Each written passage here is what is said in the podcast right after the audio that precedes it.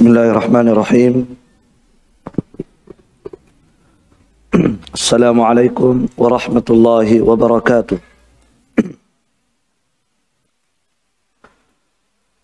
إن الحمد لله نحمده ونستعينه ونستغفره ونعوذ بالله من شرور أنفسنا ومن سيئات أعمالنا.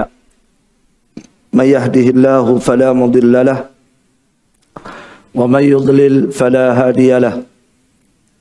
أشهد أن لا إله إلا الله وحده لا شريك له. وأشهد أن محمدا عبده ورسوله صلى الله عليه وعلى آله وأصحابه وسلم تسليما كثيرا. أما بعد إخواني في الله وأخواتي في الدين رحمني ورحمكم الله. Alhamdulillah pada malam hari ini kita kembali bersyukur kepada Allah Subhanahu wa taala yang masih memberikan kenikmatan kepada kita semua. Dan alhamdulillah di antara nikmat besar yang masih Allah berikan kepada kita dan kita berharap semoga nikmat ini senantiasa dijaga oleh Allah Subhanahu wa taala adalah nikmat istiqamah di atas manhajus salaf. Istiqamah di atas sunnah Nabi sallallahu alaihi wasallam dan diikuti oleh para sahabat Nabi sallallahu alaihi wasallam. Ya maka ini merupakan nikmat yang luar biasa dari Allah Subhanahu wa taala Ya, oleh karena itu Syekhul Islam Ibn Taimiyah rahimahullahu taala ya beliau berkata inna a'dhamal karamati dawamul istiqamah. Kata beliau sesungguhnya karamah terbesar karamah terhebat karamah yang luar biasa adalah dawamul istiqamah. Ketika seorang hamba terus menerus bisa istiqomah. Itulah karomah yang terhebat ya. Jadi karomah yang hebat itu bukan ketika seorang hamba bisa terbang di udara atau bisa berjalan di atas air atau bisa kebal dengan senjata tajam. Bukan itu karomah. Ya, sebagaimana yang disangka oleh kebanyakan kaum muslimin mereka selalu menilai bahwa karomah itu adalah hal-hal yang aneh. Seperti terbang di udara, berjalan di atas air dan seterusnya. Ya padahal itu bukanlah karomah sebenarnya. Ya bahkan kebanyakannya itu adalah permainan syaitan. Tetapi karomah yang sebenarnya seperti yang disebutkan oleh Syekhul Islam Ibn Taimiyah tadi bahwa ketika seorang hamba bisa terus menerus istiqamah di atas sunnah Nabi sallallahu alaihi wa ala alihi wasallam. Maka itulah karomah yang hebat. Sebab uh, di di masa-masa seperti ini itu sangat sulit bagi seorang hamba untuk istiqamah. Banyak cobaan, banyak rintangan, banyak masaib yang akan kita hadapi maka di kondisi-kondisi seperti ini tentunya menjaga keistiqomahan itu berat. Oleh karena itu beliau sebutkan tadi bahwa karomah yang hebat itu adalah ketika seorang hamba bisa tetap istiqomah di atas manhajus salaf. Ya maka kita bersyukur kepada Allah Subhanahu wa taala sampai malam hari ini Allah masih memberikan keteguhan kepada kita untuk bisa bersabar di atas manhaj as-salaf. Ya karena sesungguhnya manhajus salaf ini kata Syekhul Islam Ibn Taimiyah la yakunu illa haqqa. Tidak ada padanya kecuali kebenaran. Tidak ada padanya kecuali kebenaran. Ya. Maka tentunya suatu kemuliaan bagi kita ketika kita diberi hidayah oleh Allah Subhanahu wa taala untuk mengikuti dan menapaki jalannya jalannya para as-salaf. Taib. Maka jamaah sekalian, rahimani wa rahimakumullah, ya tentunya di antara perkara penting untuk kita ikuti, untuk kita tapaki di atasnya manhajus salaf adalah perkara akidah mereka. Bagaimana akidah as-salaf, bagaimana keyakinan as-salaf. Ya sebab jamaah sekalian uh, akidah as-salaf adalah akidah yang benar. Akidah yang hak. Dan seorang muslim dan muslimah ya sangat penting untuk menjaga akidahnya dan memperbaiki akidahnya. Dan akidah yang benar barometernya adalah akidahnya para salafus saleh, akidahnya para sahabat, para tabi'in dan orang-orang yang mengikuti mereka mereka dengan benar. Maka pada malam hari ini insyaallah taala kita akan kembali melanjutkan mempelajari bagaimana akidah as-salaf, akidah ahlus sunnah wal jamaah yang dijelaskan oleh Syekhul Islam Ibn Taimiyah rahimahullah dalam kitabnya Al-Aqidah Al-Wasitiyah. Taib. Pada pertemuan pertama kita telah menyebutkan tarjamah biografi dari penulis kitab ini yaitu Syekhul Islam Ibn Taimiyah rahimahullah. Taib. Siapa nama Ibnu siapa namanya Ibnu Taimiyah? Ahmad. Orang tuanya Abdul Halim, kakeknya Abdul Salam. Ahmad Ibnu Abdul Halim Ibnu Abdul Salam. Jadi namanya Syekhul Islam adalah Ahmad.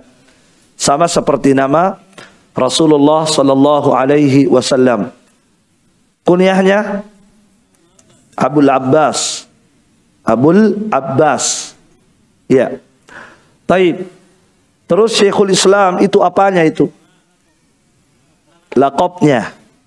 Gelarnya ya. Jadi Syekhul Islam itu gelar beliau. Dan beliau lebih terkenal dengan gelarnya daripada namanya. Oleh karena itu, ketika para ulama menyebutkan tentang beliau, kebanyakannya ulama menyebutkan gelarnya, tidak menyebutkan namanya. Ya. Makanya selalu kita dengarkan berkata Syekhul Islam. Ya berkata Syekhul Islam, jarang kita mendengarkan namanya disebut. Ya berkata Ahmad bin Abdul Halim, jarang ya. Yang sering kita dengarkan adalah berkata Syekhul Islam Ibnu Taimiyah. Terus Ibnu Taimiyah apanya? Gelar juga. Jadi kadang beliau disebut dengan gelar Syekhul Islam. Kadang disebut dua-duanya. Syekhul Islam Ibnu Taimiyah. Itu gelarnya ya. Adapun namanya Ahmad Ibnu Abdul Halim Ibnu Abdus Salam. Taib. Kemudian terkait dengan kitab Al-Aqidah Al-Wasitiyah. Ya. Apa artinya Al-Aqidah Al-Wasitiyah?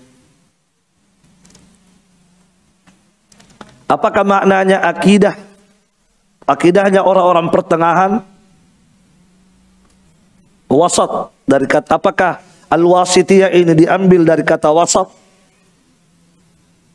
Sehingga maknanya akidahnya orang-orang pertengahan? Atau bagaimana? Al-wasitiyah ini nisbah kepada apa ini? Kepada suatu tempat yang bernama wasat al-wasit ya dari orang-orang wasit. Tapi terus kenapa kemudian diberi judul Al-Aqidah Al-Wasitiyah?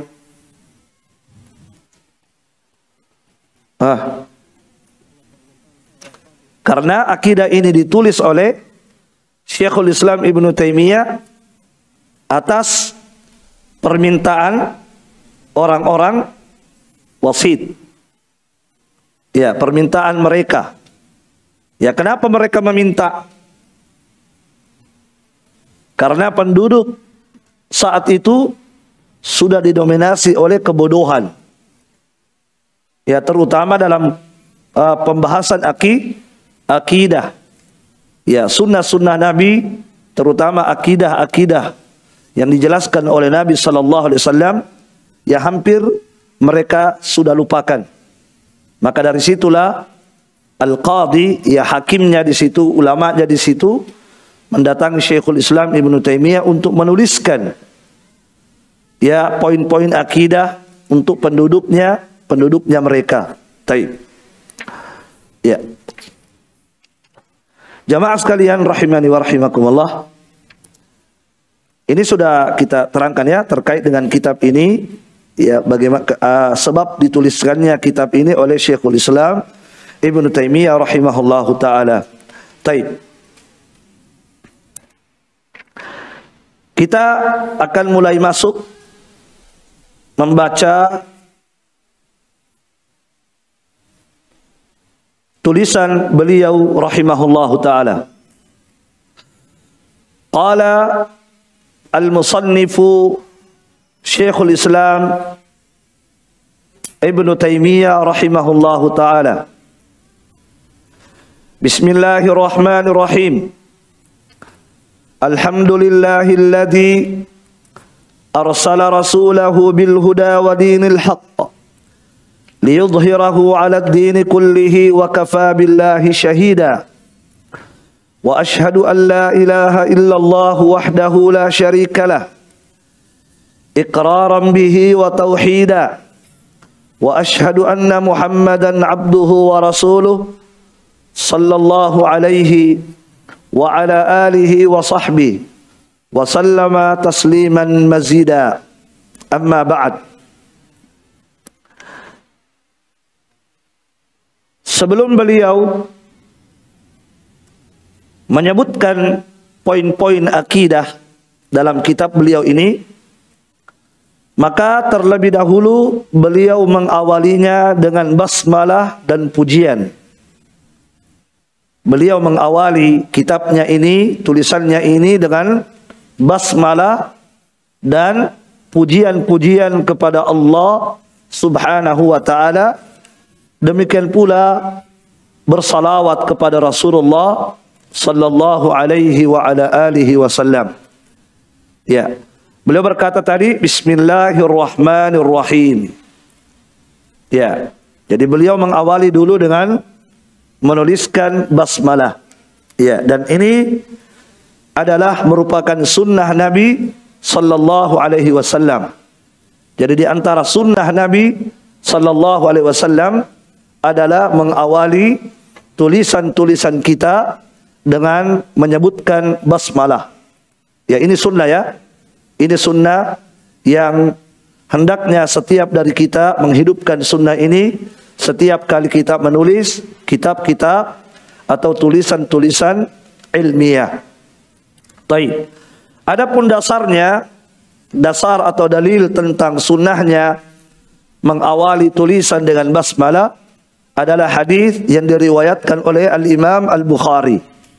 Ya hadis atau dalil yang menunjukkan sunnahnya mengawali tulisan dengan basmalah adalah hadis yang diriwayatkan oleh Al-Imam Al-Bukhari radhiyallahu atau rahimahullahu taala. Dalam kitab Sahih Al-Bukhari dari sahabat yang mulia Abdullah bin Abbas radhiyallahu taala anhuma beliau menyebutkan bahwa Nabi sallallahu alaihi wasallam ketika menulis surat kepada Herakl ya pembesar Romawi raja Romawi saat itu maka Nabi sallallahu alaihi wasallam mengawali tulisannya dengan basmalah mengawali tulisannya dengan basmalah disebutkan dalam hadis ya di awal tulisan di awal suratnya Nabi disebutkan bismillahi Bismillahirrahmanirrahim min Muhammadin Abdillahi wa Rasuli. Sebutkan begitu. Bismillahirrahmanirrahim.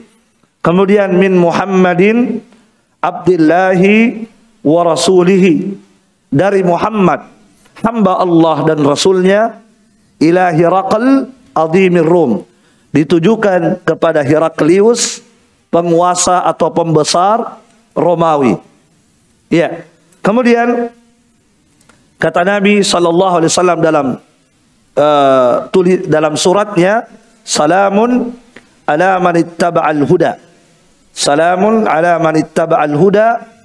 Ya keselamatan kata Nabi bagi siapa saja yang mengikuti petunjuk. Artinya yang mengikuti Islam yang merupakan petunjuk Nabi sallallahu alaihi wasallam.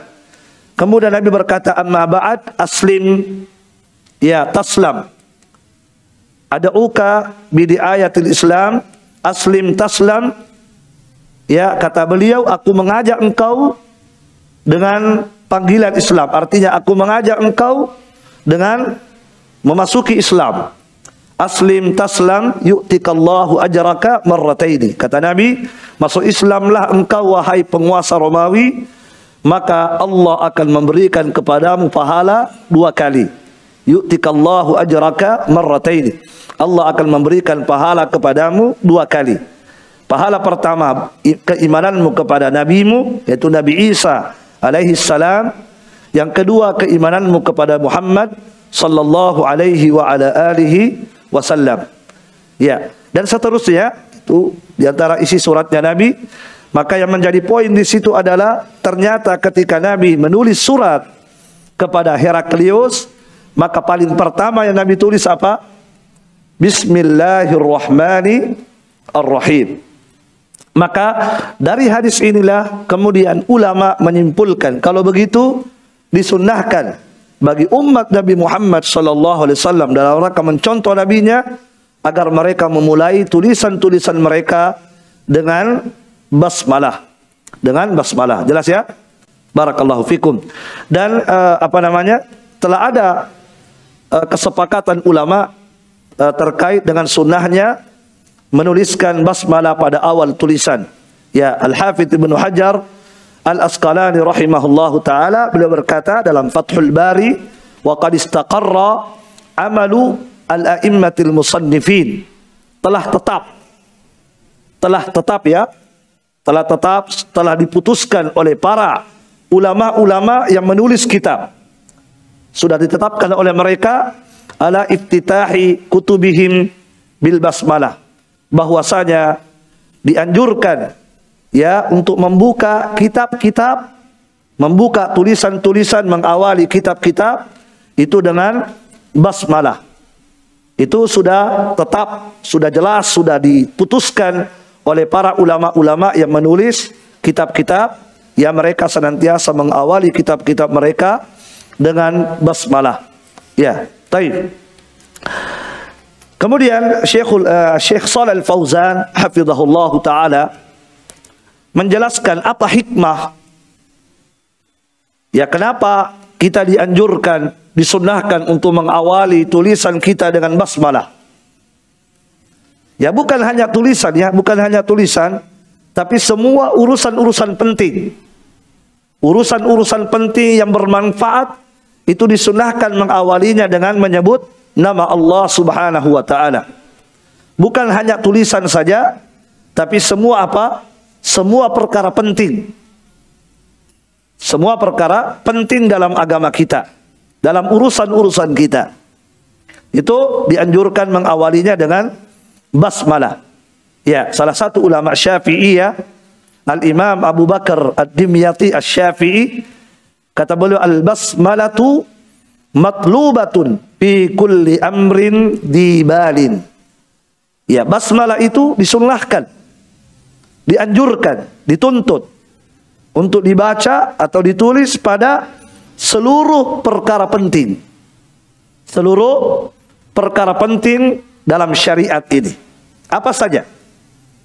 Ya, maka ada sunnahnya mengawali dengan basmalah. Taib. Nah, kemudian Syekh Shalal Fauzan hafizahullah taala menjelaskan hikmah kenapa dianjurkan mengawali tulisan dengan basmalah atau mengawali aktivitas yang penting dalam syariat ini dengan basmalah. Kata beliau, wal hikmatu fil bad'i bi bismillahirrahmanirrahim at-tabarruku biha.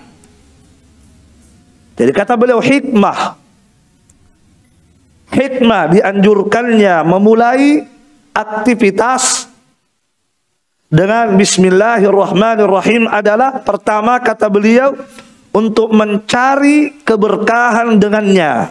Itu satu. At-tabarruk. Untuk apa?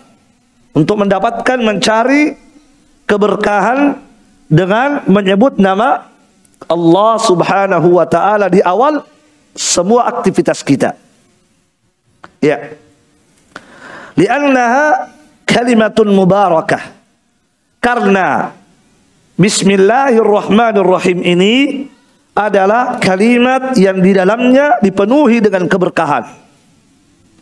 Sehingga ketika seorang hamba memulainya dengan Bismillahirrahmanirrahim, maka Allah akan memberikan keberkahan pada apa yang dia lakukan. Allah akan memberikan keberkahan pada apa yang dia lakukan. Oleh karena itu jamaah sekalian, berbeda berbeda keadaan orang yang memulai aktivitasnya dengan basmalah dengan orang yang tidak memulai aktivitasnya dengan basmalah. Ada perbedaan. Orang yang memulainya ikhlas karena Allah mencontoh Nabi sallallahu alaihi wasallam maka dia akan mendapatkan keberkahan pada apa yang dia lakukan. Ada keberkahan. Iya. Oleh karena itu jamaah sekalian, rahimani wa rahimakumullah. Nabi sallallahu alaihi wasallam itu ketika mengajarkan kepada sahabat dan juga ini merupakan ajaran untuk kita semua Nabi mengajarkan kepada sahabat agar ketika mereka ingin masuk ke dalam WC maka mereka mengawali dulu dengan menyebut nama Allah. Baca dulu apa? Bismillah. Disuruh baca bismillah. Kenapa? Sebab ada keberkahan. Ada keberkahan yang akan diperoleh dari Allah ketika seorang mengawalinya dengan apa? Dengan menyebut nama Allah. Apa keberkahan itu? Kata Nabi, satru ma baina aurati bani Adam, penutup, penghalang. Ya, penghalang antara pandangan jin dengan auratnya manusia ketika dia ingin masuk ke dalam WC adalah bacaan bismillah. Itu keberkahan. Ketika seorang hamba membaca bismillah atau dia menyebut nama Allah Subhanahu wa taala ketika ingin masuk ke dalam WC, maka Allah akan memberikan keberkahan kepadanya. Apa keberkahan itu? Hah? Allah akan menghalangi pandangan jin untuk melihat auratnya ketika masuk ke dalam WC. Itu keberkahan. Sebab di dalam WC banyak jin. Ya kan begitu? Dan kita di dalam WC mau buka aurat. Maka jamaah sekalian, ketika seorang hamba menyebut nama Allah, maka di situlah Allah akan menghalangi pandangan jin untuk melihat aurat. Itu keberkahan. Itu contoh ya, contoh keberkahan. Ketika sahabat makan, mereka makan saat itu. Kemudian mereka berkata kepada Nabi, "Ya Rasulullah, inna na'kulu wa la nashba." Kami makan-makan tapi tapi kok tidak pernah kenyang. Itu kata mereka. Kami makan tapi tidak kenyang. Dan mereka saat itu kekurangan makanan memang. Maka apa kata Nabi? Nabi mengajarkan, "Ijtami'u ala ta'amikum wadhkuru smallahi alaihi yubarik lakum fi." Kalau kalian makan berkumpul, berjamaah. Kemudian sebutlah nama Allah ketika kamu makan. Ketika kamu ingin makan makananmu, sebut dulu nama Allah. Baca bismillah. Apa kata Nabi? Kalau engkau melakukan itu, Allah akan memberikan keberkahan pada makanan. Apa keberkahan itu? Sedikit, tetapi bisa mengenyangkan. Itulah keberkahan. Ketika seorang hamba menyebut nama Allah, maka kalau makanan kita sedikit, ya maka coba praktekkan itu. Berjamaah, kemudian sebutlah nama Allah, maka di situlah Allah akan memberikan keberkahan pada makanan kita. Jelas ya? Barakallahu fikum. Jadi intinya, Syekh Shalal Fauzan menjelaskan kepada kita hikmah kenapa disunnahkan mengawali aktivitas kita termasuk menulis kitab. Hikmahnya apa tadi? Agar kita mendapatkan keberkahan dari Allah Subhanahu wa taala karena kita sudah menyebut nama namanya Allah Subhanahu wa taala. Apalagi nama yang disebut di situ luar biasa. Bismillah, nama Allah Allah. Ar-Rahman, Ar-Rahim. Itu nama-nama Allah semua yang kita sebut. Bahkan yang kita sebut apa? Hah? Yang kita sebut induknya nama Allah. Allah itu kan induk. Ya, semua nama kembali kepada Allah. Jelas ya? Maka di situlah keberkahan. Ya. Apa kata Nabi? Bagi orang yang melakukan hubungan suami istri, Hah? Seandainya mereka kata Nabi ketika mendatangi istrinya mengatakan Bismillah menyebut nama Allah ya Bismillah. Diawali dengan itu Bismillah. Ya setelah itu dilanjutkan ya antum lebih tahu doanya. Ya? Biar anak muda tahu. Sudah kursus ya apa doanya Bismillah ah Nah, untuk tahu sendiri ada usah saya sebut. Tapi apa kata Nabi siapa yang membacanya? Bismillah Allahumma jannibna syaitan wa syaitan ma. Siapa yang membaca itu apa kata Nabi? Lam yadurrahu syaitanun abada. Seandainya Allah mentakdirkan dengan hubungan mereka Allah takdirkan akan lahir seorang anak laki-laki atau wanita kembar atau tidak lam yadurrahu syaitanun abada. Apa keberkahannya? Allah apa syaitan tidak akan bisa membahayakan anak itu selama-lamanya. Syaitan tidak bisa membahayakan anak itu selama selama-lamanya. Masya Allah. Itulah keberkahan.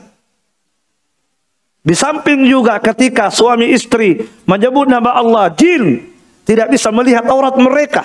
Hati-hati. Suami istri kan nampak aurat. Maka di antara berkah membaca menyebut nama Allah, jin tidak bisa melihat aurat mereka berdua. Ya kan? Dan seandainya ada takdir Allah akan lahir anak dari situ, apa kata Nabi tadi?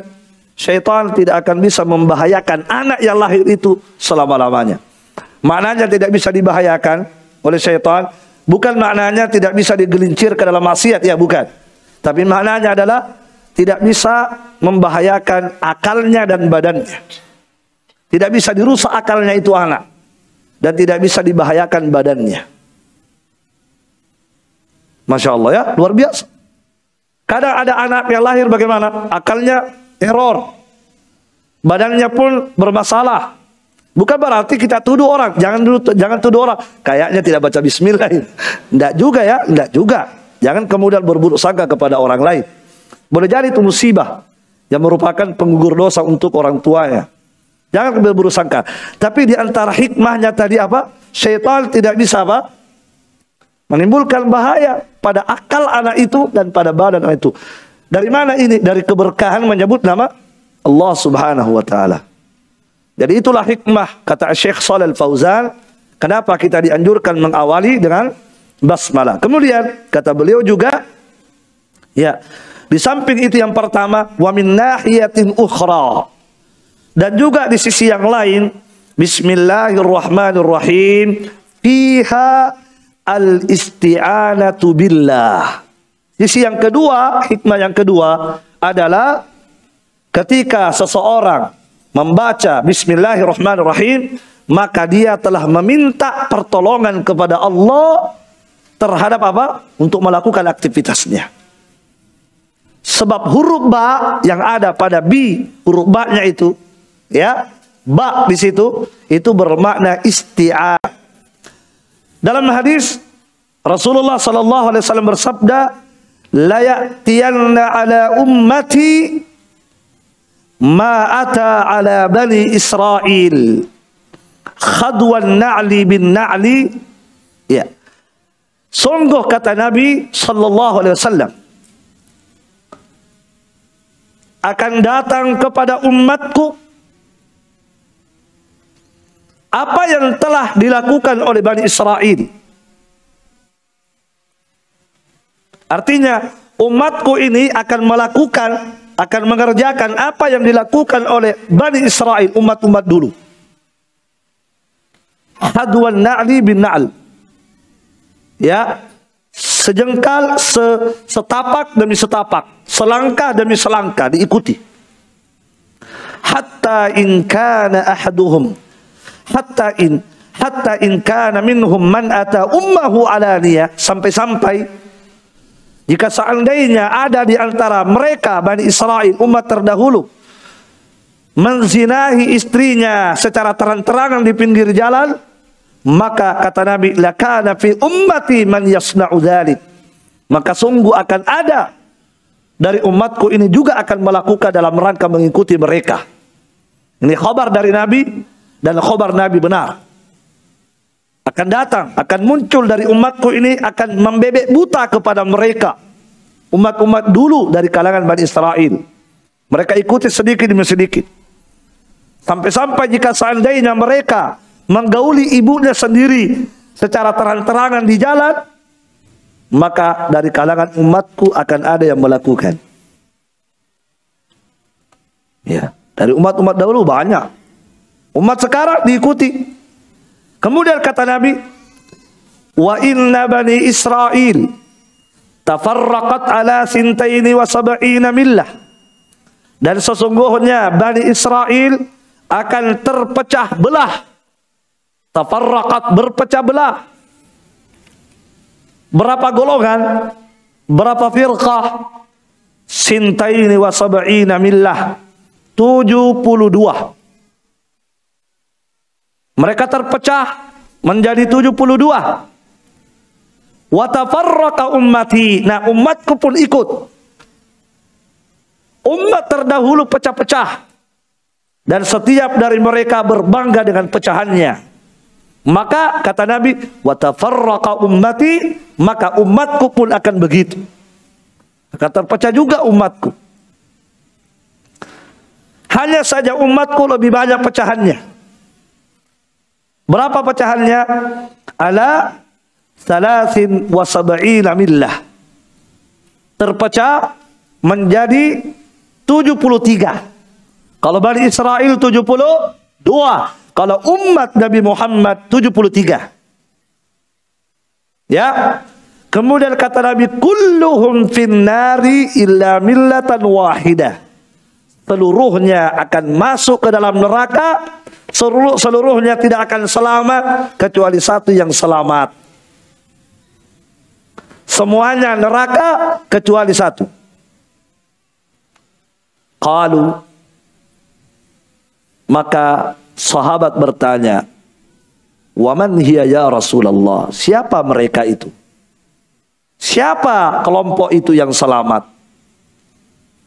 Ya. Maka Nabi menjawab apa?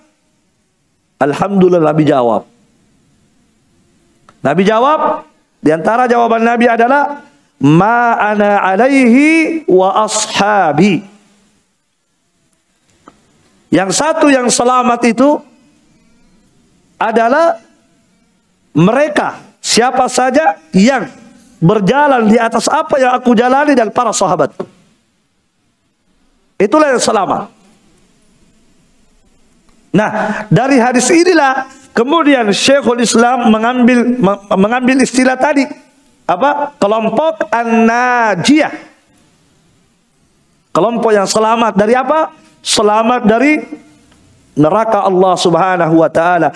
Sebab Nabi tadi mengatakan 73 kelompok umat Islam, golongan seluruhnya neraka, satu yang selamat. Siapa yang selamat tadi? Siapa saja yang berjalan di atas jalannya Nabi dan jalannya para sahabat. Nah, jelas ya? Ya, jadi istilah an-najiyah, firqa an-najiyah itu diambil dari hadis ini.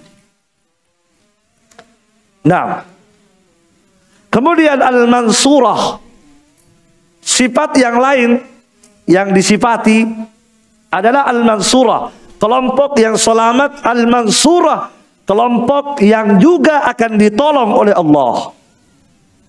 Kelompok ini juga akan ditolong oleh Allah Subhanahu wa taala.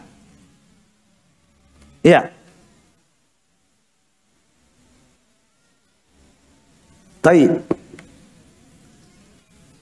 Sifat al-mansurah, kata al-mansurah yang ditolong, itu juga diambil dari hadis.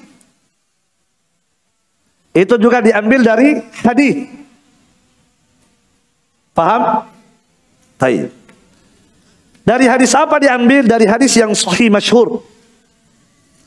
Rasulullah sallallahu alaihi wasallam bersabda, "La tazalu ta'ifatun min ummati 'alal haqq mansurah." Terus menerus ada, kata Nabi, terus menerus ada. Sekelompok dari umatku, ta'ifah, satu kelompok, satu golongan, sekelompok dari umatku ini. Mereka terus menerus berada di atas al-haq kebenaran. Mansurah dan mereka terus menerus akan ditolong oleh Allah Subhanahu wa taala. La yadurruhum man khadalahum wala man khalafahum. Tidak merugikan, tidak memudaratkan bagi mereka, tidak berbahaya bagi mereka siapa pun yang meninggalkan mereka. Tidak, tidak berbahaya. Kalian mau tinggalkan kami, tidak berbahaya bagi kami. Tidak ada ruginya. Jelas? Perhatikan sabda Nabi. Nabi mengatakan akan terus menerus ada. Terus menerus ada Taifah, sekelompok manusia dari umatku ini, mereka teguh, kokoh di atas kebenaran, mansura dan akan ditolong oleh Allah Subhanahu wa taala. Disebutkan di situ mansur, mansurah, ditolong. Dari situlah diambil istilah itu tadi. Dari situlah Syekhul Islam Ibnu Taimiyah memberikan sifat pada kelompok itu dengan sifat mansur mansura, kelompok yang akan ditolong oleh Allah Subhanahu wa taala. Iya. Jelas ya? Kelompok yang akan ditolong, ditolong oleh Allah. Ditolong di mana? Ditolong di dunia dan ditolong di akhirat. Ditolong di dunia, kelompok ini ditolong oleh Allah di dunia. Dijelaskan oleh Syekh Saleh bin Abdul Aziz Al-Syekh. Salah satu ulama yang mensyarah kitab ini. Ya.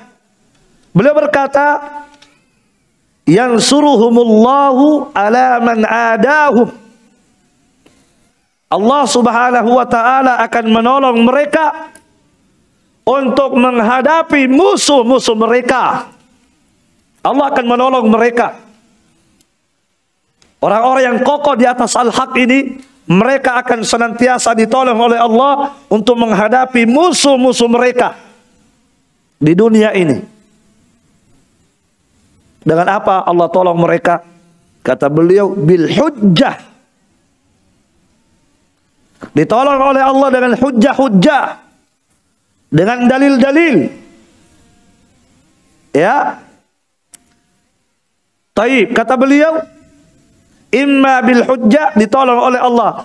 Apakah dengan hujjah, dengan dalil-dalil? Wa imma bis sinani. Atau ditolong oleh Allah dengan sinan, tombak. Artinya tombak apa? Kata beliau, ketika ada jihad.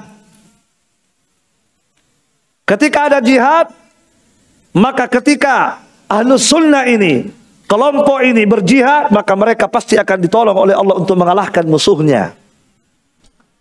Ketika tidak ada jihad, maka mereka akan ditolong oleh Allah untuk menghadapi musuh-musuhnya dengan apa? Dengan hujjah, dengan dalil. Jelas?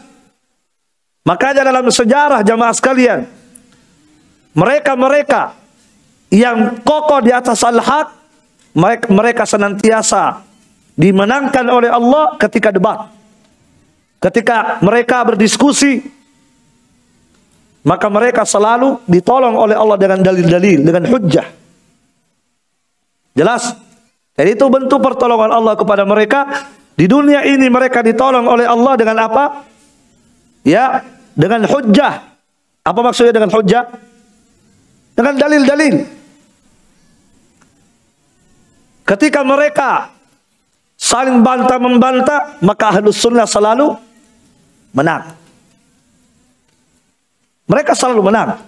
Kenapa? Karena mereka selalu mengikuti sunnah. Selalu mengikuti dalil. Dan dalil pasti menang. Tidak mungkin tidak.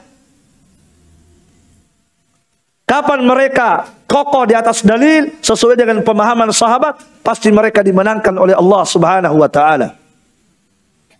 Lihat bagaimana Imam Ahmad dikepung oleh ahlul bidah. Dikepung. Dikeroyok oleh ahlul bidah di depan penguasa.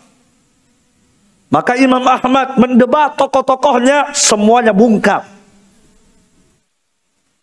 Syekhul Islam Ibn Taimiyah pun demikian.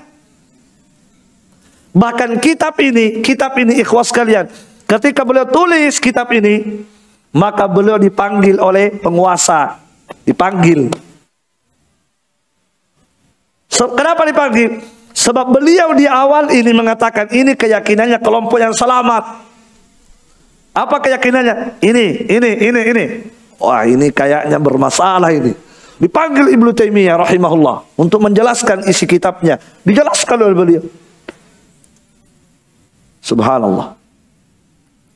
Ya. Jadi kelompok ini akan ditolong oleh Allah Subhanahu wa taala. Di dunia ini ditolong dengan apa tadi? Dengan hujjah. Dengan dalil-dalil. Iya. Taib. Juga ketika ada jihad dan mereka al-firqah al-nadiyah al-mansurah ini ikut berjihad, maka juga mereka akan ditolong oleh Allah untuk mengalahkan musuh-musuhnya. Syekhul Islam Ibnu Taimiyah termasuk ulama yang pernah berjihad. Beliau dimenangkan oleh Allah. Dalam sejarah, dalam sejarah, siapa pun yang berada di atas kebenaran, di atas jalannya Ahlus Sunnah wal Jamaah, ketika mereka berjihad melawan musuh, mereka selalu menang. Kenapa? Karena mereka ditolong oleh Allah. Kenapa Allah tolong mereka? Karena mereka kokoh di atas agama Allah.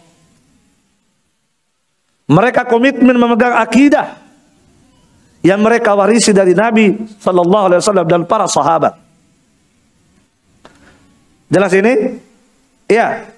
Maka oleh karena itu apa kata Nabi tadi akan terus menerus ada sekelompok manusia yang teguh di atas kebenaran yang akan ditolong oleh Allah La yadurruhum man khadalahu. Orang-orang yang menyelisihi mereka tidak membahayakan. Tidak membahayakan. Iya, jelas ya? Iya, barakallahu fikum. Dan juga mereka akan ditolong di hari kiamat. Ditolong oleh Allah di dunia. Pertolongannya? Allah tadi dengan hujjah atau dengan dimenangkan dalam pertempuran.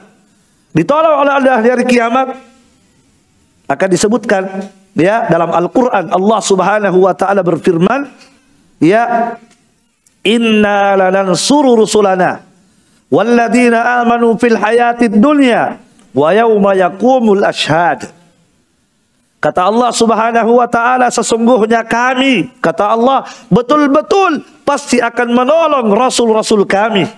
Kami pasti tolong dan juga orang-orang yang beriman bersama Rasul tersebut. Kami pasti tolong. Ini janji Allah Subhanahu wa taala. Sesungguhnya kami kata Allah betul-betul pasti kami akan menolong rasul-rasul kami dan siapa dan siapa pun yang beriman dan mengikuti rasul-rasul tersebut kami pasti tolong. Di mana ditolong? Fil hayati dunia di kehidupan dunia ini kami tolong. Di kehidupan dunia ini kami tolong. Ditolong dengan apa? Dijelaskan oleh ulama tafsir. Ya, kata Al-Imam Al-Baghawi rahimahullah, "Fahum mansuruna bil hujjati ala man khalafahum." Yaitu mereka akan ditolong oleh Allah dengan hujjah-hujjah, dengan dalil-dalil untuk mengalahkan orang-orang yang menyelisihi mereka. Itu di dunia. Wa yauma yaqumul ashhad dan pasti juga kami akan menolong rasul-rasul kami dan juga orang-orang yang beriman mengikuti rasul-rasul kami dengan benar juga kami akan tolong mereka di hari ketika para saksi-saksi berdiri. Kami akan tolong mereka. Ketika apa? Ketika para asyhad, saksi-saksi berdiri. Siapa yang dimaksud saksi-saksi di sini? Dijelaskan oleh Al-Imam Al-Baghawi rahimahullah dalam tafsir beliau yaitu yakumul hafadhatu minal malaikati yaitu para al-hafadha dari kalangan malaikat para malaikat akan berdiri bersaksi. Siapa yang mau dipersaksikan? Kelompok Rasul dan orang-orang yang beriman. Dan kelompok yang tidak mengikuti Rasul dan tidak beriman kepada Rasul-Rasul tersebut. Berdiri para malaikat. Bersaksi. Ya apa yang mereka persaksikan? Yashhaduna lirrusuli bitablik wa alal kuffari bitakdib. Malaikat-malaikat itu akan bersaksi di hadapan Allah bahwa rasul-rasul ini telah menyampaikan tetapi mereka-mereka yang kelompok ini mendustakan. Paham gak? Jadi itu bentuk pertolongan Allah Subhanahu wa taala kepada orang-orang yang mengikuti Rasul sallallahu alaihi wasallam yang akan ditolong oleh Allah. Di dunia mereka ditolong dengan hujjah dengan dalil untuk melawan musuh Ya, di akhirat mereka akan ditolong oleh Allah Subhanahu wa taala di mana para malaikat akan berdiri bersaksi bahwa Rasul ini telah menyampaikan sementara yang lain yang tidak ikut kepada Rasul kemudian malaikat berkata tapi mereka dustakan mereka tidak ikuti ajaran Nabi. Barakallahu fikum. Jelas ya? Taib. Kemudian kata Syekhul Islam Ibn Taimiyah. Jadi ini adalah keyakinannya, akidahnya kelompok yang selamat, kelompok yang akan ditolong oleh Allah. Maka kalau kita sudah memahami bahwa inilah akidah, akidahnya siapa? Akidah kelompok yang selamat, akidah kelompok yang akan ditolong, maka pegang teguh ini akidah. Pegang teguh sebab ini sebab-sebab keselamatan. Sebab-sebab pertolongan Allah ketika Anda memegang teguh akidah ini. Sebab ini bukan akidahnya orang celaka, tapi ini akidahnya al-firqah an-najiyah. Akidahnya al-ta'ifah al-mansurah. Ini akidahnya. Iya. Dan tentunya kita semua mau menjadi pengikut al-firqah an-najiyah. Kita ingin menjadi pengikut at-ta'ifah al-mansurah, kelompok yang ditolong oleh Allah ini. Maka siapa yang ingin mendapatkan keselamatan di dunia dan di akhirat, ditolong oleh Allah di dunia dan di akhirat, maka berakidahlah dengan akidah mereka. Berakidahlah dengan akidah mereka. Ya. Syekhul Islam Ibnu Taimiyah rahimahullah ketika menulis ini dibaca oleh mereka, mukaddimahnya dipanggil Ibnu Taimiyah. Dipanggil. Di sidang. Ibnu Taimiyah di sini di sidang beliau. Dari awal, baru awalnya mereka baca, oh bahaya ini. Sudah ada kelompok yang selamat, kelompok yang ditolong. Hanya Ibnu Taimiyah dipanggil. Kemudian Ibnu Taimiyah mulai di, di dibantah. Ya, berarti kalau begitu menurut kamu ya kalau begitu menurut kamu siapa yang tidak berakidah dengan akidah ini pasti tidak selamat? Kan? Iya. Berarti lawazimul qaul, berarti keharusan dari ucapanmu di kitab ini. Berarti siapa yang tidak memakai akidah ini pasti tidak selamat. Sebab kamu mengatakan ini akidahnya kelompok yang salah. Salah berarti kalau tidak berakidah dengan akidah ini pasti tidak selamat. Makanya seperti itu mereka, aneh ya, hati-hati. Ya, barakallahu fi. Kalau kita menjawab iya, oh, bahaya kita. Kenapa? Sebab banyak ulama halus sunnah tergelincir akidahnya. Banyak. Terutama dalam pembahasan asma, sifat. Al-Hafidh Ibnu Hajar tergelincir, Al-Imam Nawawi tergelincir dalam pembahasan asma wa sifat dan ini akidah sunnah. Kalau begitu, Al-Imam Nawawi tidak selamat? Wah, itu kan? Al-Hafidh tidak selamat? Masya Allah. Lihat jawaban Ibnu Taimiyah. Apa kata Syekhul Islam Ibnu Taimiyah ketika disidang? Baru ini ya, baru ini. Baru buka lima mereka, oh ini sudah ada lain-lain di sini. Maka Ibnu Taimiyah mengatakan, iya. Lam akul hada walam yaqtadihi kalami. Ketika mereka berkata, ya apakah maknanya? Ketika engkau berkata bahwa ini adalah akidahnya kelompok yang selamat, berarti kalau begitu apakah maknanya? Siapa yang tidak berakidah dengan akidah ini tidak selamat dari neraka? Pasti neraka? Kata Ibnu Taimiyah, bukan begitu maksud saya. Ah. Lam akul bihad. Aku tidak pernah mengatakan begitu. Kamu sendiri yang simpulkan. Ya kan begitu. Itu kan kesimpulan kamu. Tetapi aku hanya berkata dalam kitabku, inilah akidahnya kelompok yang selamat. Inilah akidahnya kelompok yang salah selamat. Bukan bukan saya tidak mengatakan siapa yang tidak berakidah dari akidah pasti neraka. Enggak. Saya hanya mengatakan inilah akidahnya kelompok yang salah selamat. Apakah kemudian kita memahami kalau begitu yang tidak berakidah dengan akidah ini pasti tidak selamat? Belum tentu. Kenapa? Sebab boleh jadi ada orang tidak sengaja tergelincir seperti para ulama. Paham nggak? Cuma saya hanya menjelaskan inilah akidahnya kelompok yang selamat ini. Maka siapa yang berakidah dengan akidah ini, maka telah dijanjikan untuknya keselamatan. Nah, itu maksudnya. Itu maksud saya. Siapa yang berakidah dengan akidah ini, maka dijanjikan untuknya keselamatan oleh Allah Subhanahu wa taala sebagaimana hadis. Paham? Makanya kalau ada orang menyelisihi akidah ini, kita tidak boleh mengatakan pasti dia neraka, tidak bisa. Tapi dia terancam begitu. Terancam. Tapi memastikan tidak. Terancam dia. Ketika dia menyelisih akidah ini maka terancam tidak selamat. Tapi apakah pasti tidak selamat? Tidak. Sebab masalah memastikan bukan kita yang berhak. Yang memastikan surga neraka hanya Allah subhanahu wa ta'ala. Hanya saja ketika kita menyelisihi maka dikhawatirkan terancam apa? Terancam tidak selamat. Begitu. Paham? Iya. Jadi siapa yang berakidah dengan akidah ini maka apa tadi? Mutawaat. Kata Ibnu Taimiyah, mutawaat artinya dijanjikan untuknya keselamatan. Barakallahu fikum. Jelas ya? Iya. Taib. Kata Syekhul Islam Ibnu Taimiyah, ila qiyamis saah sampai tegaknya hari kiamat. Artinya, artinya jamaah sekalian, inilah akidahnya kelompok yang selamat kelompok yang ditolong oleh Allah ditolong sampai hari kiamat.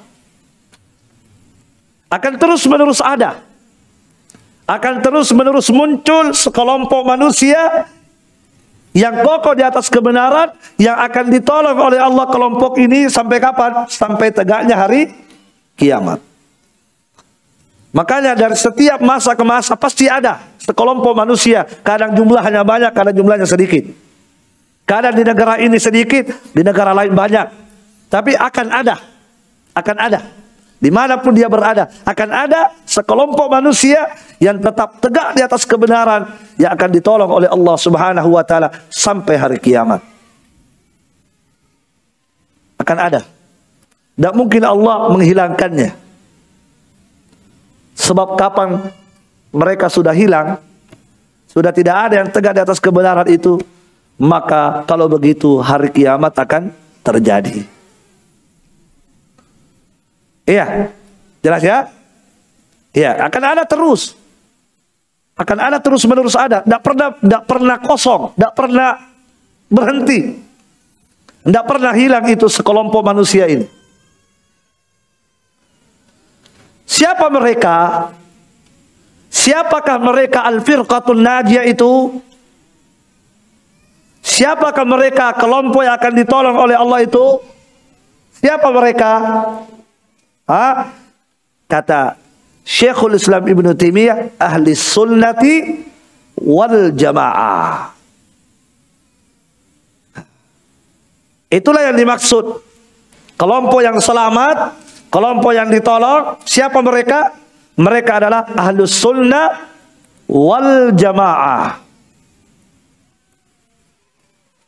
Maka siapa yang berakidah dengan akidahnya ahlu sunnah wal jamaah, maka mereka lah yang akan salah, selamat. Mereka lah yang akan ditolong, ditolong oleh Allah subhanahu wa ta'ala.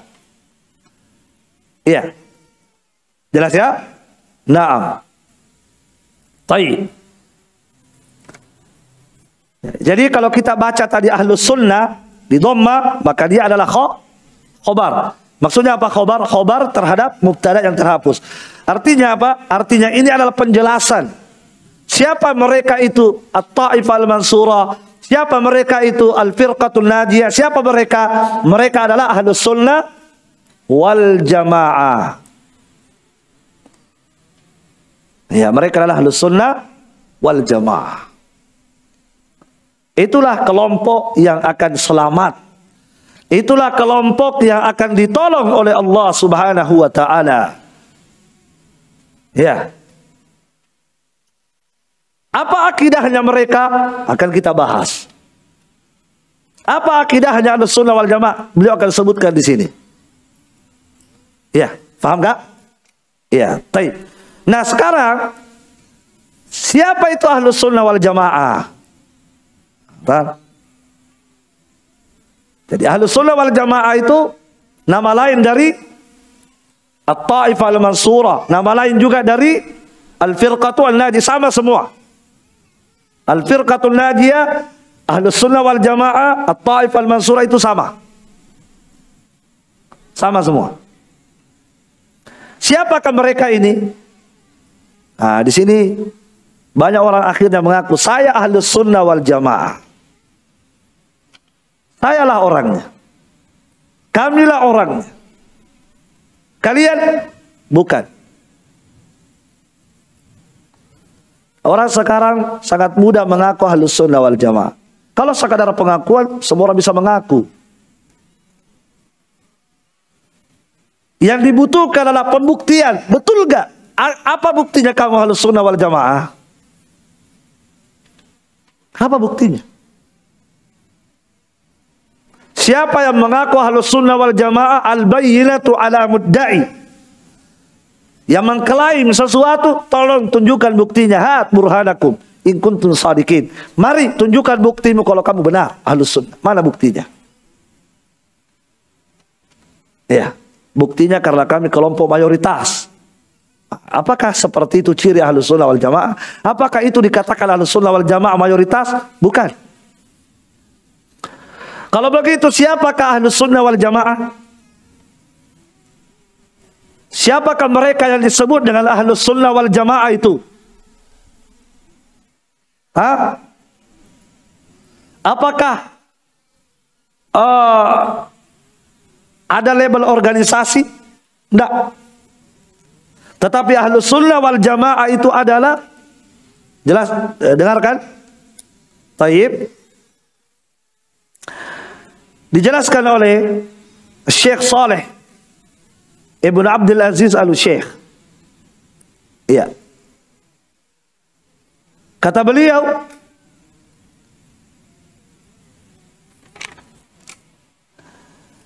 Ahlu sunnah itu adalah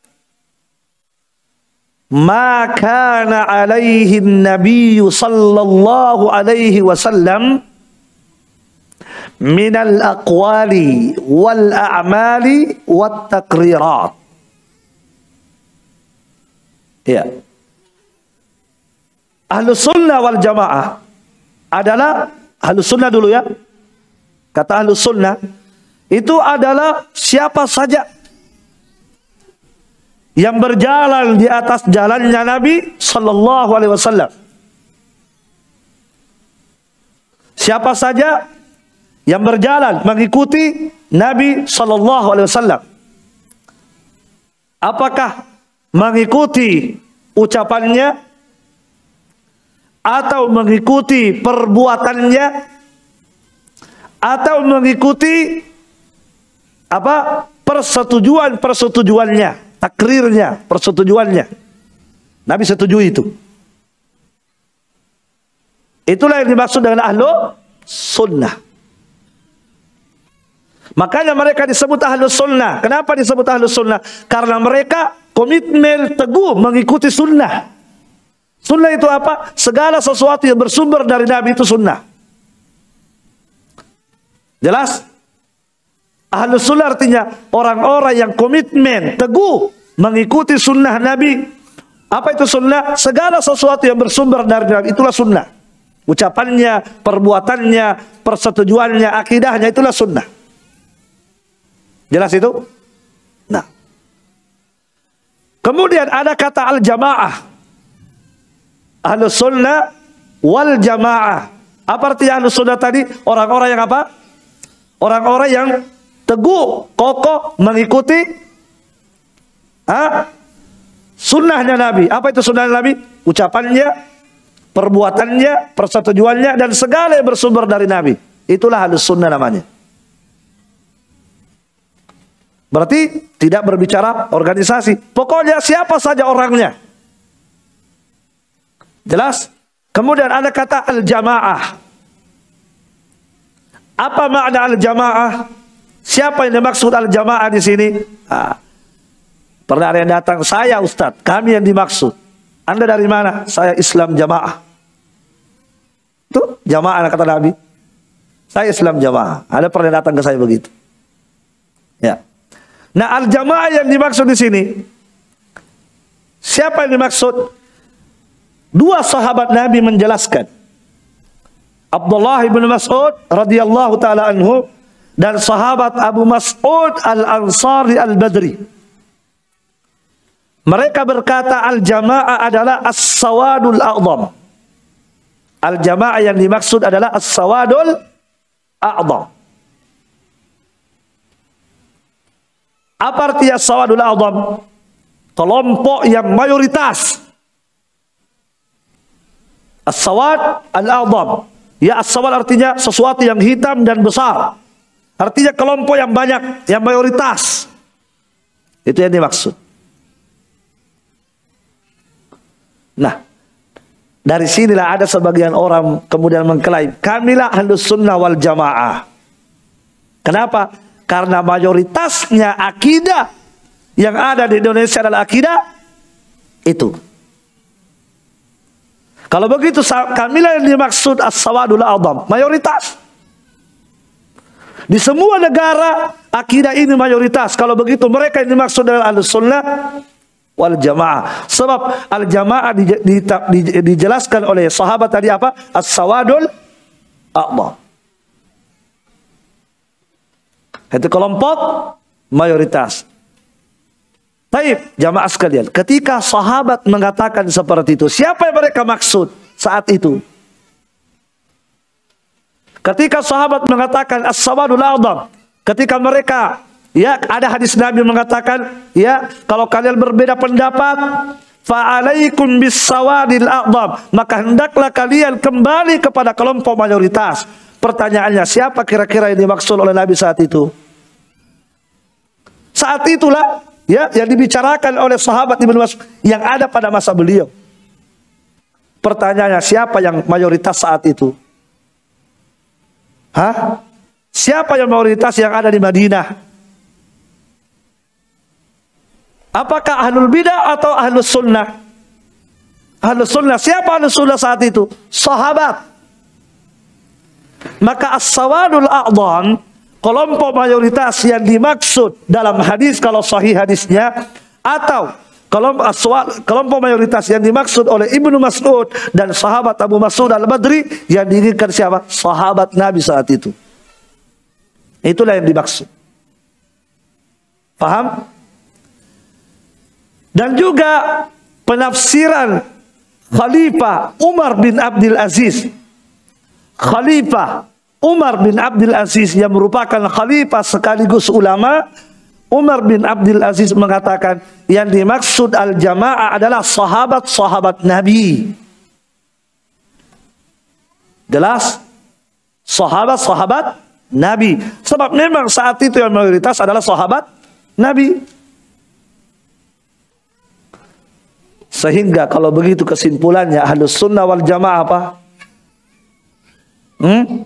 Orang-orang siapa saja yang apa? Yang kokoh komitmen mengikuti sunnah Nabi. Apa itu sunnah Nabi? Ucapannya, perbuatannya, perkataannya, akidahnya, segala sesuatu yang bersumber dari Nabi diikuti, itulah ahlus sunnah. Kemudian wal jamaah, sahabat. Yaitu orang yang mengikuti Nabi dan para sahabat. Itulah ahlus sunnah. Itulah yang dimaksud dengan ahlu sunnah. Nah sekarang yang mengaku-ngaku seperti itu coba ukur. Coba lihat akidahnya. Ya mereka yang mengaku ahlus sunnah wal jamaah, wal jamaah akidahnya bagaimana? Apakah sama dengan akidah Nabi? Apakah sama dengan akidah sahabat? Kalau tidak sama, anda bukan ahlus sunnah wal jamaah. Tapi anda hanya mengaku-ngaku ahlus sunnah wal jamaah. Sebab ahlus sunnah wal jamaah itu semua orang yang komitmen mengikuti sunnah Nabi dan mengikuti jalannya para sahabat. Itulah halus sunnah. Al-Imam Ibnu Hazm rahimahullah. Al-Imam Ibnu Hazm rahimahullah salah satu ulama madhab. Cuma beliau madhabnya zahiri. Ya, madhabnya adalah madhab zahiri. Tapi dia ulama diakui. Diakui dalam Islam, diakui oleh para ulama yang lain. Beliau berkata, Al-Imam Ibnu Hazm berkata dalam kitabnya Al-Faslu fil Milali wal Ahwa'i wan Nihali. Kata beliau, Ahlu Sunnah wal Jamaah itu kata beliau, fa innahumus sahabatu. Mereka itu adalah para sahabat. Mereka itu adalah para sahabat radhiyallahu anhum. Semoga Allah meridhai mereka. Wa kullu man salaka nahjahum min khiyarit tabi'in rahmatullahi alaihim. Dan semua yang mengikuti manhatnya para sahabat dari kalangan ulama-ulama terpilih dari kalangan ulama tabi'in, ulama-ulama terbaik dari kalangan tabi'in. Semoga Allah merahmati mereka. Jelas ini? Jelas sekali ya? Jadi al sunnah wal jamaah siapa menurut Ibnu Hazm? Setelah kita jelaskan tadi maknanya sunnah wal jamaah ya. Nah sekarang ahlu sunnah wal jamaah menurut Ibnu Hazm siapa? Mereka adalah para sahab, sahabat. Kenapa mereka disebut? Karena mereka yang kokoh mengikuti sunnah Nabi. Kemudian mereka juga semua orang, siapa saja dia yang mengikuti manhatnya, metodenya, jalannya para sahabat. Apakah itu dari kalangan tabi'il atau yang datang se setelahnya. Selama mereka mengikuti manhatnya para sahabat, maka itulah ahlu sunnah wal jamaah. Bisa dipaham? Bisa ya? Baik. Ya.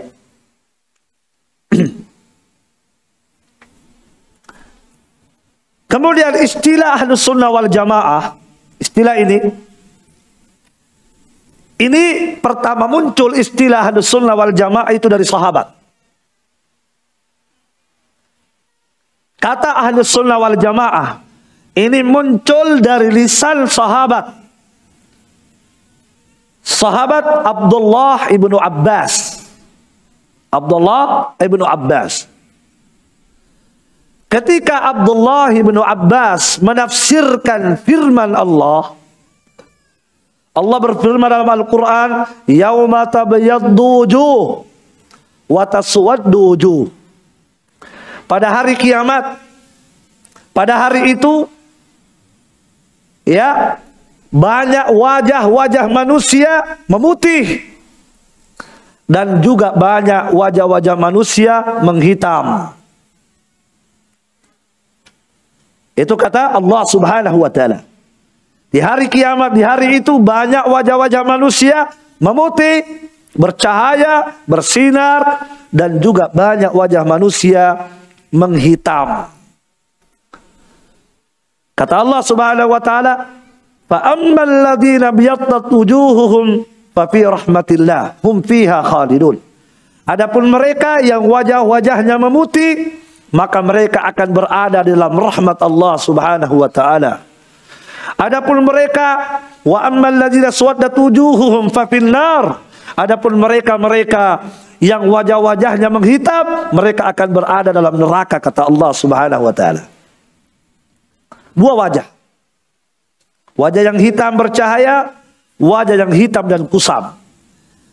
Kemudian Abdullah bin Abbas menjelaskan siapa wajah, wajah siapa yang bercahaya dan wajah siapa yang kuta, yang, yang yang kusam dan hitam. Kata Abdullah bin Abbas dalam tafsir, dalam buku-buku tafsir, beliau berkata, ya. Kata Ibnu Katsir rahimahullah dalam tafsir beliau, tabyaddu wujuhu ahli sunnati wal jamaah wa taswaddu wujuhu ahli bid'ati wal furqah wajah yang memutih yang bercahaya itu adalah itu adalah wajahnya ahlus sunnah wal jamaah dan wajah yang menghitam itu adalah wajahnya ahlul bid'ati wal furqah lawan dari ahlus sunnah adalah ahlul bid'ah kata Ibnu Katsir qalahu Ibnu Abbas dan apa yang saya sebutkan ini itulah ucapannya Ibnu Ibnu Abbas. Itulah tafsirnya Ibnu Ibnu Abbas.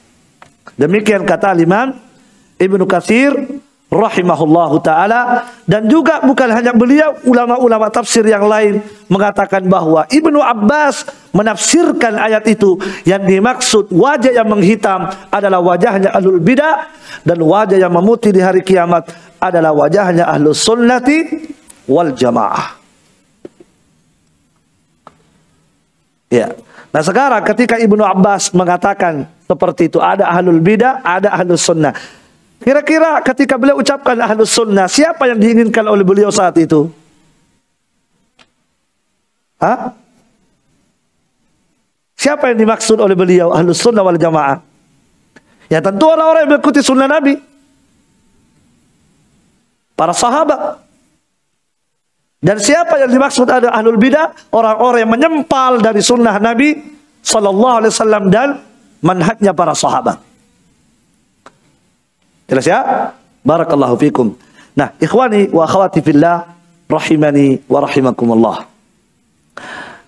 Dari apa yang kita eh, dengarkan dari keterangan Syekhul Islam Ibnu Taimiyah, maka kita simpulkan bahwasanya beliau menulis kitab ini untuk menjelaskan akidahnya Al-Firqah An-Najiyah.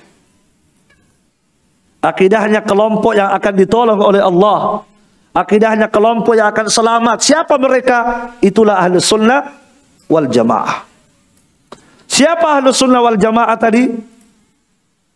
Ya, mereka-mereka yang komitmen teguh, konsisten mengikuti sunnah Nabi dan para sahabat. Makanya Nabi mengatakan ketika menjelaskan tentang kelompok yang selamat, Nabi ditanya, siapa kelompok yang selamat itu? Apa jawaban Nabi? Ma ana alaihi yauma wa ashabi. Siapa saja yang berjalan di atas jalanku hari ini. Siapa saja yang berjalan di atas jalanku pada hari ini dan juga para sahabatku. Itulah yang selamat. Faham? Ya, jamaah sekalian. Rahimani wa rahimakumullah. Maka siapa saja yang mengaku halus sunnah wal jamaah timbang. Ya, ukur dengan ini tadi. Apakah dia mengikuti sunnah Nabi? Apakah dia mengikuti akidahnya Nabi atau tidak? Sama ke akidahnya dengan akidah Nabi? Sama ke akidahnya dengan akidah para sahabat? Kalau tidak sama, berarti bukan ahlu sunnah wal jamaah. Bukan. Iya. Dalam pembahasan akidah, misalnya ukur akidahnya dengan akidah Nabi. Bagaimana dia memahami sifat-sifat Allah. Bagaimana ketaatannya kepada penguasa. Lihat bagaimana akidahnya kepada penguasa yang dolim. Ah, lihat di situ. Kalau dia tetap mendengar dan taat kepada penguasa yang dolim sejahat apa pun, dia sabar, tidak melakukan kudeta, Berarti itu ciri ahlus sunnah wal jamaah. Kenapa? Sebab itulah ajaran Nabi dan para sahabat. Tapi ketika dia tidak sabar dengan penguasa yang jahat, mem mem memanas-manasi orang, pokoknya sikat. Masa penguasa didiamkan begitu? Masa begini kalian pengecut? Berarti ini akidahnya sudah menyempal dari akidah al-sunnah wal jamaah. Ketika ada orang meyakini Al-Quran bukan kalamullah, Ketika ada yang meyakini bahwa firman Allah bukan kalam Allah. Tapi mengatakan Al-Quran makhluk misalnya. Atau tidak berani mengatakan makhluk. Tetapi intinya bukan kalam Allah. Intinya bukan kalam Allah. Terus apa? Berbelit-belit. Begini, begini, begini. Makhluk. Tidak berani mengatakan makhluk. Sebab kalau dia mengatakan makhluk jelas. Jahmiyah. Bukan bukan ahlu sunnah. Kelompok Jahmiyah. Kelompok ahlul bidah. Nah, kalau ada yang meyakini Sebab Nabi dan para sahabat meyakini Al-Quran adalah firman Allah, kalam Allah. Allah berbicara. Kata mereka tidak, Allah tidak berbicara. Jangan katakan Allah punya kalam. Oh iya. Ini sudah. Anda ahlu sunnah. Ya, kami asli ahlu sunnah. Oh. Ketika ada yang berkata, jangan berkata Allah di atas. Siapa yang punya akidah Allah di atas ars, maka bukan akidah ahlus sunnah wal jamaah. Pak bangun ke dulu, cuci, cuci muka dulu pak. Apa betul bukan ahlus sunnah wal jamaah yang tidak yang meyakini Allah di atas? Nabi meyakini Allah di atas. Para sahabat meyakini Allah di atas. Ha. Maka siapa yang meyakini Allah subhanahu wa ta'ala tidak di atas arsh, berarti ini bukan akidahnya Rasulullah, bukan akidahnya para sahabat. Kenapa? Sebab Nabi meyakini itu. Banyak dalil-dalil akan akan kita bahas nanti di kitab Akidah Al-Wasitiyah. Jadi pada intinya jamaah sekalian, pada intinya Ahlus Sunnah wal Jamaah itu adalah mereka-mereka, siapa pun mereka, dari mana pun berada, apa pun warna kulitnya, hitam, putih, coklat, apalagi apa pun warna kulitnya, bagaimanapun model rambutnya, keriting, lurus, ha? apa pun bahasanya, Bugis, Makassar, dari suku apa pun, dari negara pun, negara mana pun, selama mereka teguh komitmen mengikuti sunnah Nabi dan mengikuti jejaknya para sahabat, maka mereka lah halus sunnah wal jamaah. Mereka lah halus sunnah wal jamaah. Ya, apa pun nama sekolahnya, apa pun nama yayasannya, ya, apa pun nama, apa pun namanya, bukan namanya yang kita lihat, apa yang kita lihat, isinya, hakikatnya, betul tidak? Ajarannya bagaimana? Akidahnya bagaimana? Nah, itu penilaian kita. Ya. Dan juga ahlus sunnah wal jamaah bukan diukur dengan apa mayoritas ya, bukan. Ingat itu. Sebab ada sebagian orang di masa ini yang viral mengatakan, ya kami ahlus sunnah wal jamaah. Kenapa? Sebab kami mayoritas. Sebab akidah di Indonesia ini mayoritas akidah titik-titik.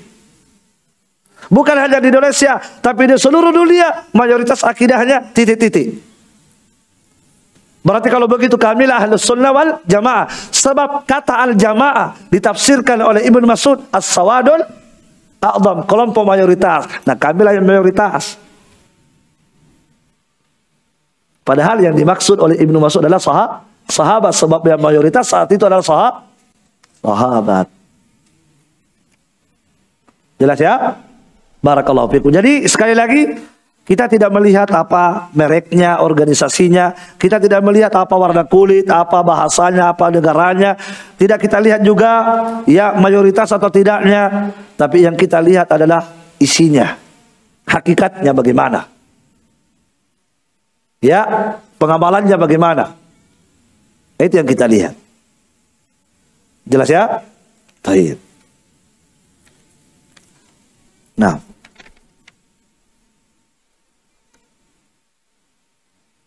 Ya. Dan ikhwani fillah rahimani wa rahimakumullah. Ketika ada saudara kita yang berjalan di atas jalan ahlus sunnah wal jamaah. Ya, maka hendaklah kita saling menguatkan. Sebab kita ini jumlahnya sedikit. Jika dibandingkan dengan kaum muslimin yang lain. Jumlah ahlus sunnah itu sedikit. Sedikit jika dibandingkan dengan selain ahlu sunnah. Sedikit. Makanya apa kata Nabi tadi? 70 ti, 73. Terus yang halus sunnahnya sa, satu. Berarti jumlah mereka selalu mi, minoritas. Ya. Ini kalau dibandingkan dengan jumlah seluruh manu, manusia. Barakallahu fikum. Nah oleh karena itu jamaah sekalian. Ya. Ketika kita diberikan, eh, ketika kaum muslimin diberikan hidayah untuk mengikuti manhajnya ahlus sunnah wal jamaah, mengikuti manhajnya para sahabat Rasulullah SAW, maka hendaklah di antara kita, di antara mereka saling menyayangi. Ya, sebab sudah sedikit, masa mau berkelahi lagi? Masa mau ribut lagi? Ya harusnya yang kita kedepankan adalah ha. Selama kita tahu mereka ahlu sunnah betul-betul komitmen mengikuti jalannya. Para sahabat terutama akidah mereka mengikuti akidah para sahabat sudah. Ya, mereka adalah ahlu sunnah wal jamaah. Jelas ya?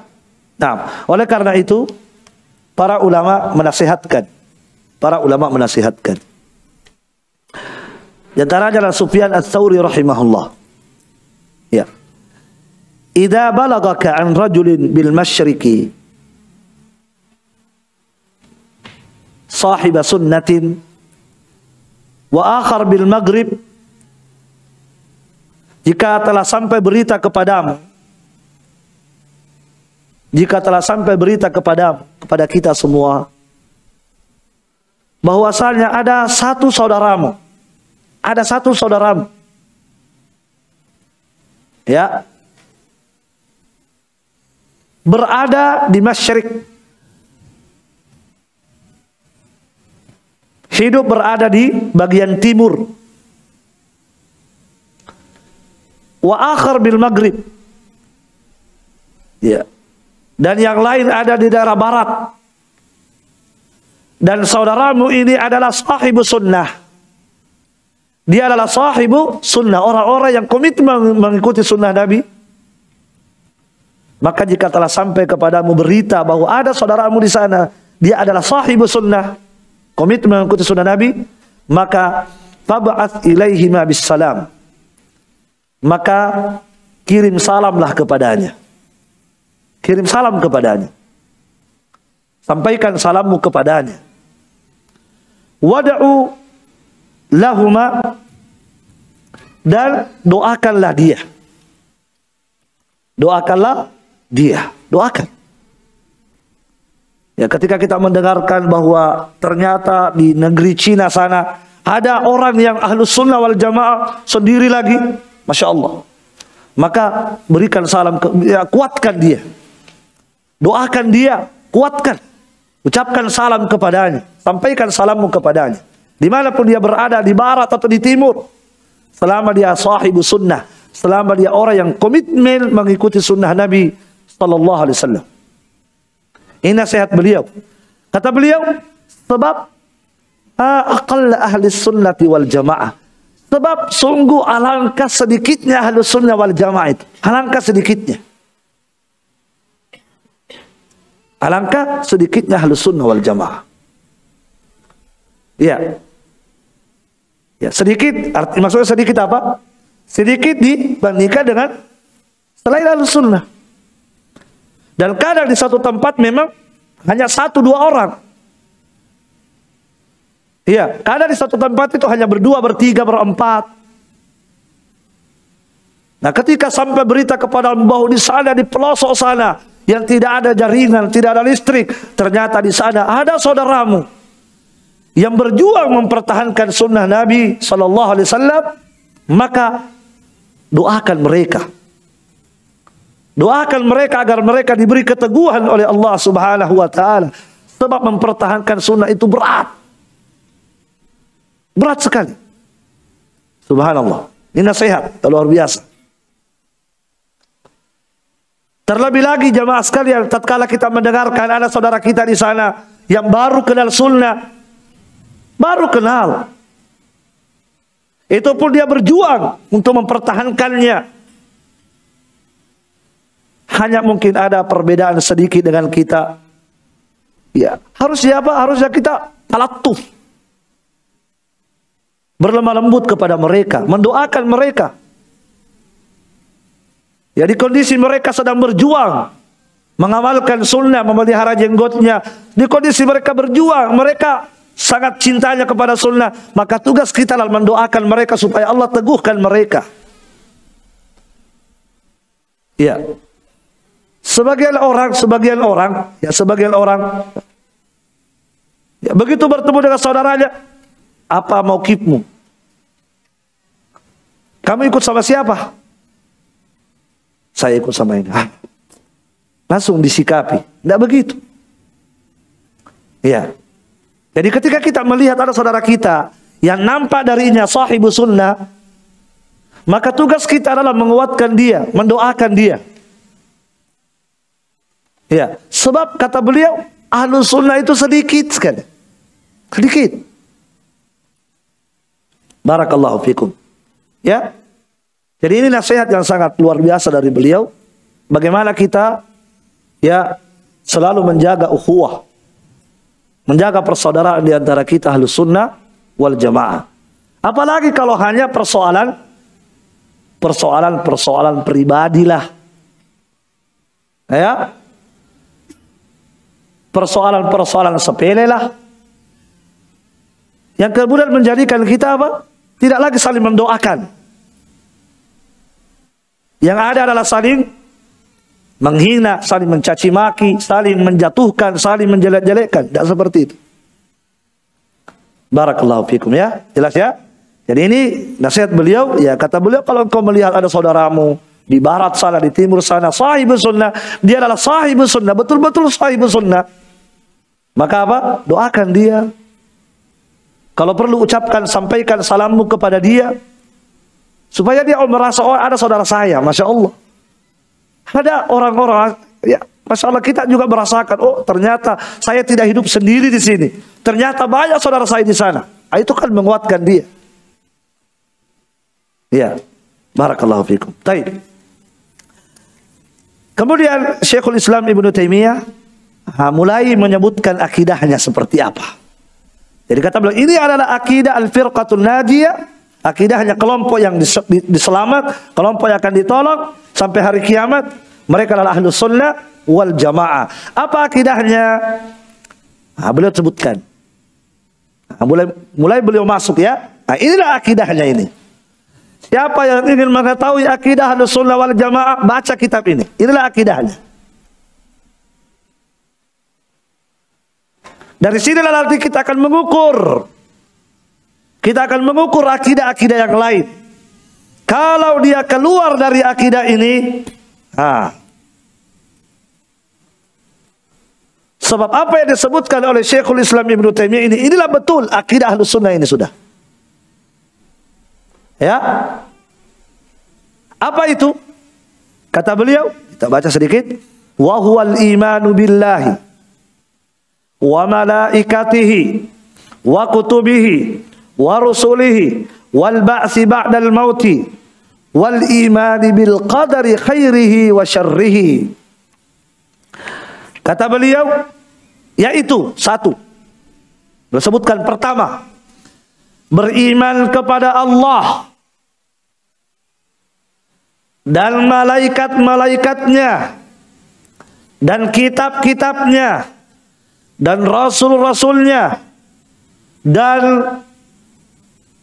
kebangkitan setelah kematian maksudnya hari kiamat dan beriman terhadap takdir Allah yang baiknya dan buruknya nah, ini akidah al-firqatun najiyah ini akidah at-ta'ifah al-mansurah Ini akidah ahlus sunnah wal jamaah. Apa itu? Beriman terhadap rukun iman. Beriman terhadap rukun iman. Rukun iman ada berapa? Enam. Ini dia. Beliau sebutkan ini. Paling pertama beliau sebutkan rukun iman.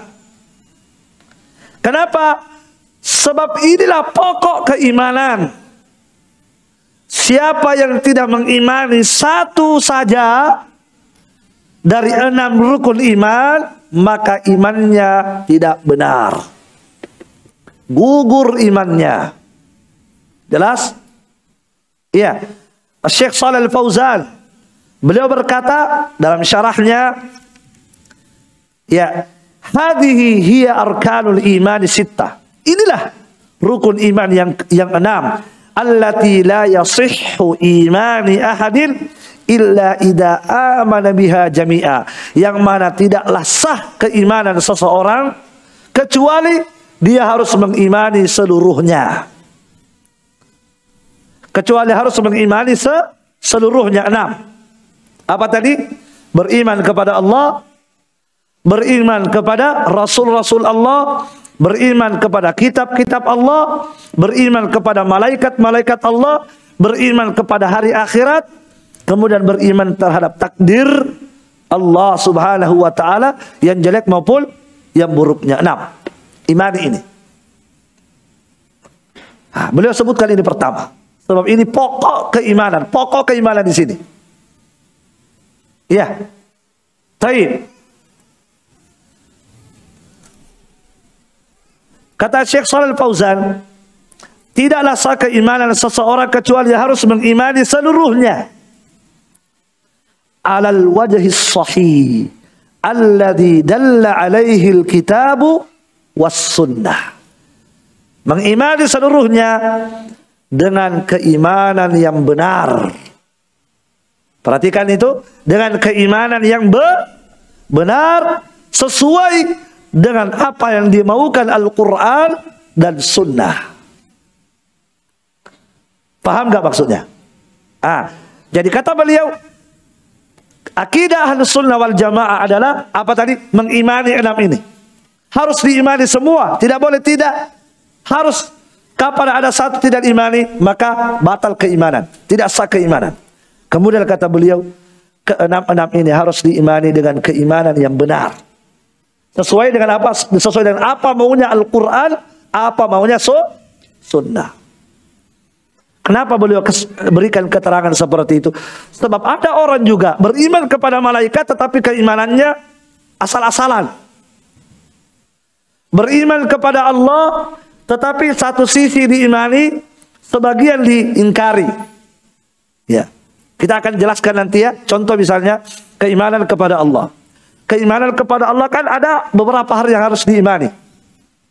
Iya, beriman terhadap wujud Allah, beriman terhadap rububiyah Allah, beriman terhadap uluhiyah Allah, beriman terhadap sifat-sifat Allah nama-namanya. Ah, sebagian orang beriman kepada Allah tetapi yang diimani hanya rububiyah.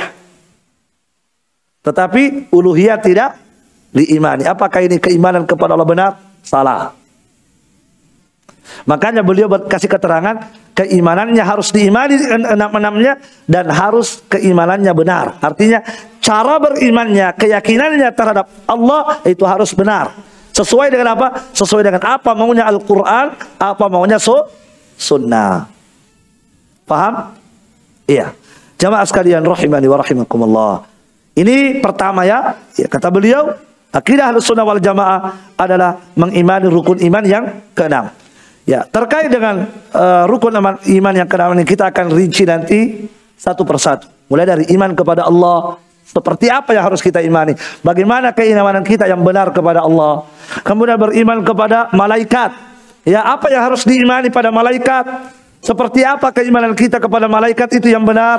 Itu akan kita bahas.